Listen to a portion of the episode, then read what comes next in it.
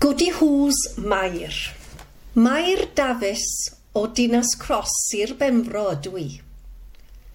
Rydw i wedi byw yn y pentref ar hyd fy oes ond i bai am dair blynedd yn y coleg hyfforddi yn Abertawe ar ddechrau'r 60au ac yna blwyddyn fel athrawes yn Sir Brycheiniog. Yna, cefai swydd yn ysgol wdig, lle bym yn athrawes am 30 o flynyddoedd.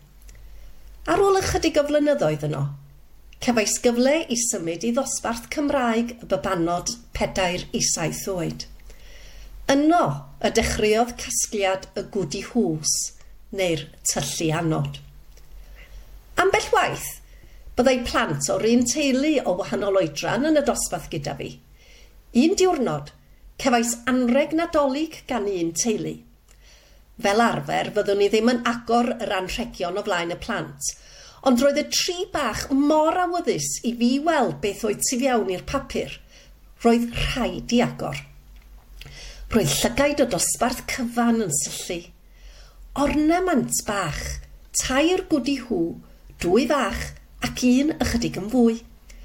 Roedd y plant i gyd wrth i bof, a dywedodd un ohonynt fod y gwdi hws fel y tri phlentyn – un fel y brawd mawr a'r ddwy arall fel y ddwy ferch fach. Cafwyd trafodaeth am y gwdi hws a'i harferion o fod yn cysgu'r dydd ac yn effro'n y nos, a hyn yn arwain at wneud pwnc y tymor nesaf, nos a dydd.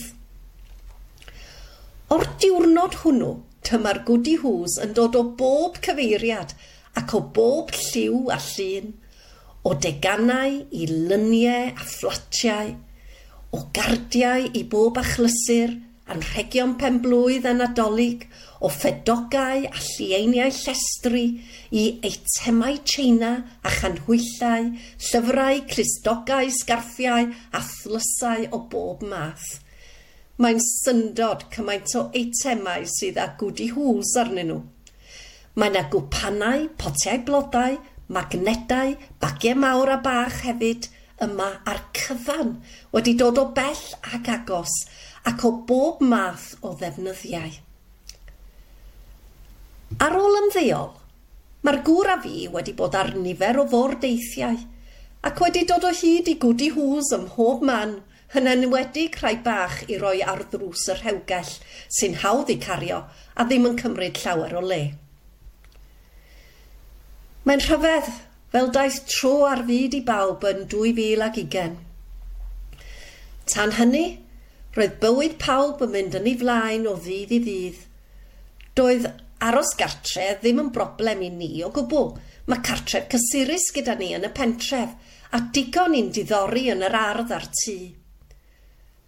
Yn sydyn, cefais wybodaeth bod rhaid i fi fynd i'r ysbyty i gael profion – Mae honno'n stori arall, ac rwyf lawer gwell erbyn hyn.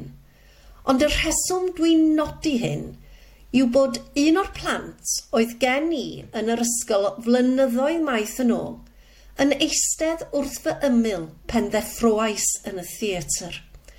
A'r geiriau cyntaf a glywais oedd Mrs Davies, Goody hws? Wel, dyna syndod ei bod yn fy adnab adnabod ac yn cofio am y gwdi hws. Mae'n rhaid dweud y cefais y gofal gorau posib bob tro buesu yn yr ysbyty. Ond roedd cael cyfarfod un o'n plant a'r cyfle i siarad gyda hi ar ôl yr holl flynyddoedd yn bleser mawr i fi. Tua dau fus yn ôl, roedden ni'n cael traffaeth gyda'r ffôn. Cyn hir, Ar ôl cysylltu gyda'r cwmni, dyma ddyn ifanc yn dod i'r drws i weld beth oedd y broblem. Doeddwn i ddim yn ei adnabod, ond dyma fe'n dweud, wel, Mrs Davies, siwt mae'r gwdi hws. Un arall o'r plant o'r dosbarth, a minnau heb i weld ers iddo fynd i'r ysgol uwchradd yn Abergwain. Mae llawer o ffrindiau wedi prynu gwdi hws i fi ar hyd y blynyddoedd. Nadolig diwethaf, Roeddwn wedi cael cwpan, cadw mi gei, dau fag siopa mawr, dau lyfr nodiadau, calendar a dyddiadur.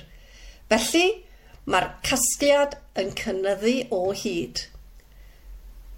Dwi wedi bod ar y tyledu yn dangos y gwdi hws tua phedair gwaith ac ambell waith rydw i'n mynd i lanw bwlch i ferched y wawr os oes galw. Yn aml, mae pobl yn gofyn sawl gwdi hws sydd gen i Hi ddweud y gwir, sa'n gwybod. Mae'n anodd cyfrif yn gywir. Sawl gwdi hw yn unigol neu sawl addurn yn cynnwys mwy nag un gwdi hw sydd eisiau cyfri? Rydw i'n gwybod bod ymhell dros fil o bethau gwdi hws yma, ac un diwrnod, rydw i'n mynd i gyfru un silff ar y tro er mwyn cael amcan cywir o'r cyfanswm.